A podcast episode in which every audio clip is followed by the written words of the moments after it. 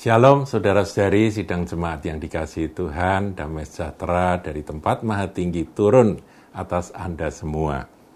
Saudara dalam suara gembala kali ini kita masih melanjutkan akan pelajaran tentang pembangunan tembok Yerusalem yang dilakukan oleh Nehemia. Saudaraku, kita sudah tiba pada pem pembangunan atau pemugaran pintu gerbang yang ada di ayat 14. Jadi setelah pintu gerbang lembah, yang kita sudah belajar ya apa maknanya, kita sekarang masuk ke ayat 14 dari Nehemia 3. Saya bacakan, saudara.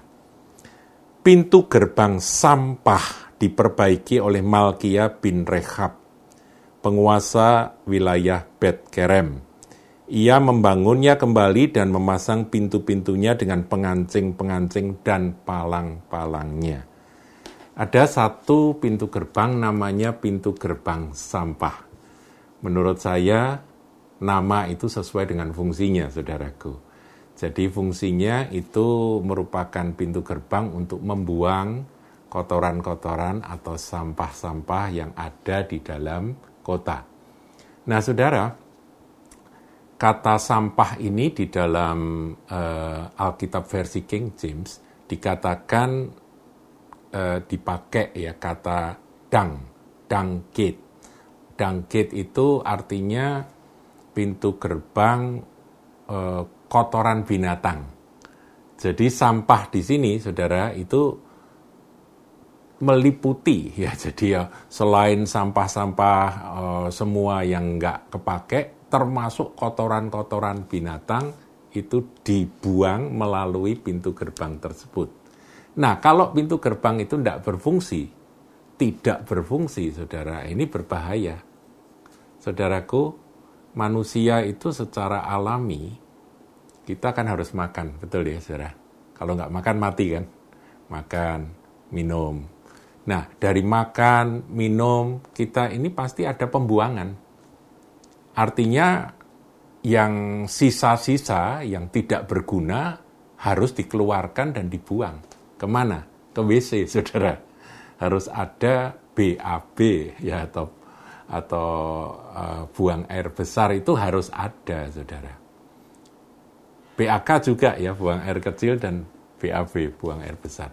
Kalau nggak ada pembuangannya, saudaraku, wah itu payah sekali. Saya pernah, saudaraku, uh, melayani seorang anak Tuhan yang penyakitnya itu, sakitnya itu karena uh, apa? Ada tumor atau ada kanker yang membuat dia tidak bisa buang kotoran. Wah, ini repot, saudara. Kalau dia paksa makan, maka makanan itu nggak bisa dibuang sisanya. Nah, terus gimana? Bisa naik ke atas, bisa muntah dan itu sangat berbahaya. Nah, jadi pembuangan ini penting, saudara. Ya, pemasukan penting ya. Kalau kita nggak makan, kalau kita tidak menerima asupan, ya pasti akan mati. Tetapi kalau kita nggak bisa buang kotoran, wow, mati juga, saudaraku ya. Nah, makanya pintu gerbang sampah ini makna rohaninya adalah pembuangan untuk hal-hal yang tidak berguna, yang akan menjadi racun kalau tetap tinggal di dalam diri kita, itu harus dibuang. Itu makna rohaninya, saudara. Nah, di dalam hidup ini, saudara, kita ini punya telinga, kita mendengar. Kemudian apa yang kita dengar itu masuk ke pikiran, masuk ke hati. Nah, itu nggak nggak semuanya berguna, saudara. Ada hal-hal yang berbahaya, malah jadi racun kalau kita biarkan ada di dalam diri kita, ada di pikiran kita, ada di hati kita, itu bisa menjadi uh, poison atau racun yang berbahaya yang bisa membunuh kerohanian kita. Oleh sebab itu kita harus uh, punya gerbang sampah untuk membuang sampah-sampah itu supaya kita tetap bersih, saudaraku. Ya, jadi saudara memahami ya makna pentingnya pemugaran atau perbaikan gerbang sampah ini supaya berfungsi. Berfungsi buangnya itu lancar begitu, saudara. Ya kita lihat di perjanjian baru eh, Rasul Paulus menasehati jemaat Efesus demikian saudaraku ya. Efesus 4 ayat 31.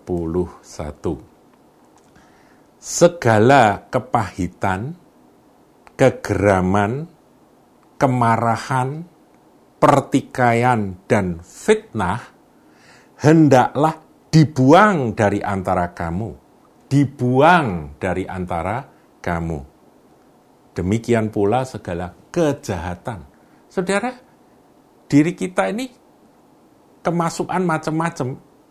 Macam e, ide, macam informasi, macam apa saja saudara. Mungkin perkataan orang-orang itu bisa masuk. Itu kalau itu menimbulkan kepahitan, itu bisa menjadi racun di dalam diri kita. Harus kita buang. Makanya dangkit atau gerbang sampah itu harus lancar, saudara. Harus pintunya, gerbangnya harus lancar dan berfungsi. Jadi buang, begitu masuk, buang. Jangan berlama-lama di dalam diri kita yang potensial menjadi kepahitan itu. Kemudian kegeraman, kemarahan.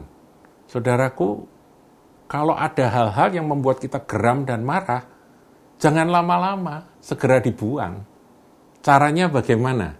Nah, Tuhan sudah mengajari kita, yaitu dengan kita mengampuni, kemudian kita melepas, dan kita coba melupakan, meskipun kita nggak linglung, artinya peristiwanya masih kita ingat, tetapi kalau kita sudah mengampuni dan roh kudus sudah menolong kita, maka itu sudah terbuang. Racunnya sudah sudah eh, keluar dari hidup kita. Sehingga kerohanian kita tidak terganggu, saudara. Apalagi di situ dikatakan pertikaian hal-hal yang uh, apa bertengkar dengan seseorang, uh, permusuhan yang ber, apa, berlarut-larut. Saudaraku untuk apa itu semua? Selesaikan, buang, buang dari hidup kita. Fitnah, ada loh saudara, hal-hal yang masuk dan itu ternyata bukan sebuah kebenaran. Dan itu kalau tersimpan itu menjadi fitnah. Nah kita bisa menjadi produsen fitnah kalau itu tidak segera kita sadari bahwa itu bukan kebenaran dan kita harus buang. Jadi hal-hal yang demikian harus kita cepat, lancar lah.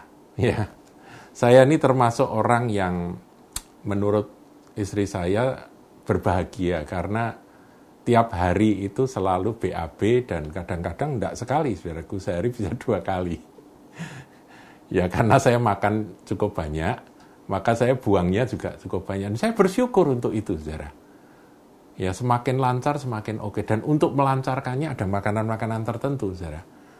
Biasanya kalau malam itu eh, apa makan buah-buah, ya seperti papaya, itu eh, kemudian juga minum yogurt, itu itu bagus untuk melancarkan pembuangan. Nah demikian secara rohani, saudara Hal-hal yang melancarkan pembuangan itu apa saja? Sukacita, damai sejahtera, mengampuni, memaafkan, ya persekutuan, memuji Tuhan, itu semua akan melancarkan. Kalau saudara dipenuhi dengan yang positif-positif itu, nanti yang negatif-negatif itu nggak akan tahan lama, langsung kebuang. Dangkit atau pintu gerbang sampah. Fungsikan saudaraku pintu gerbang sampah, jangan simpan itu semua.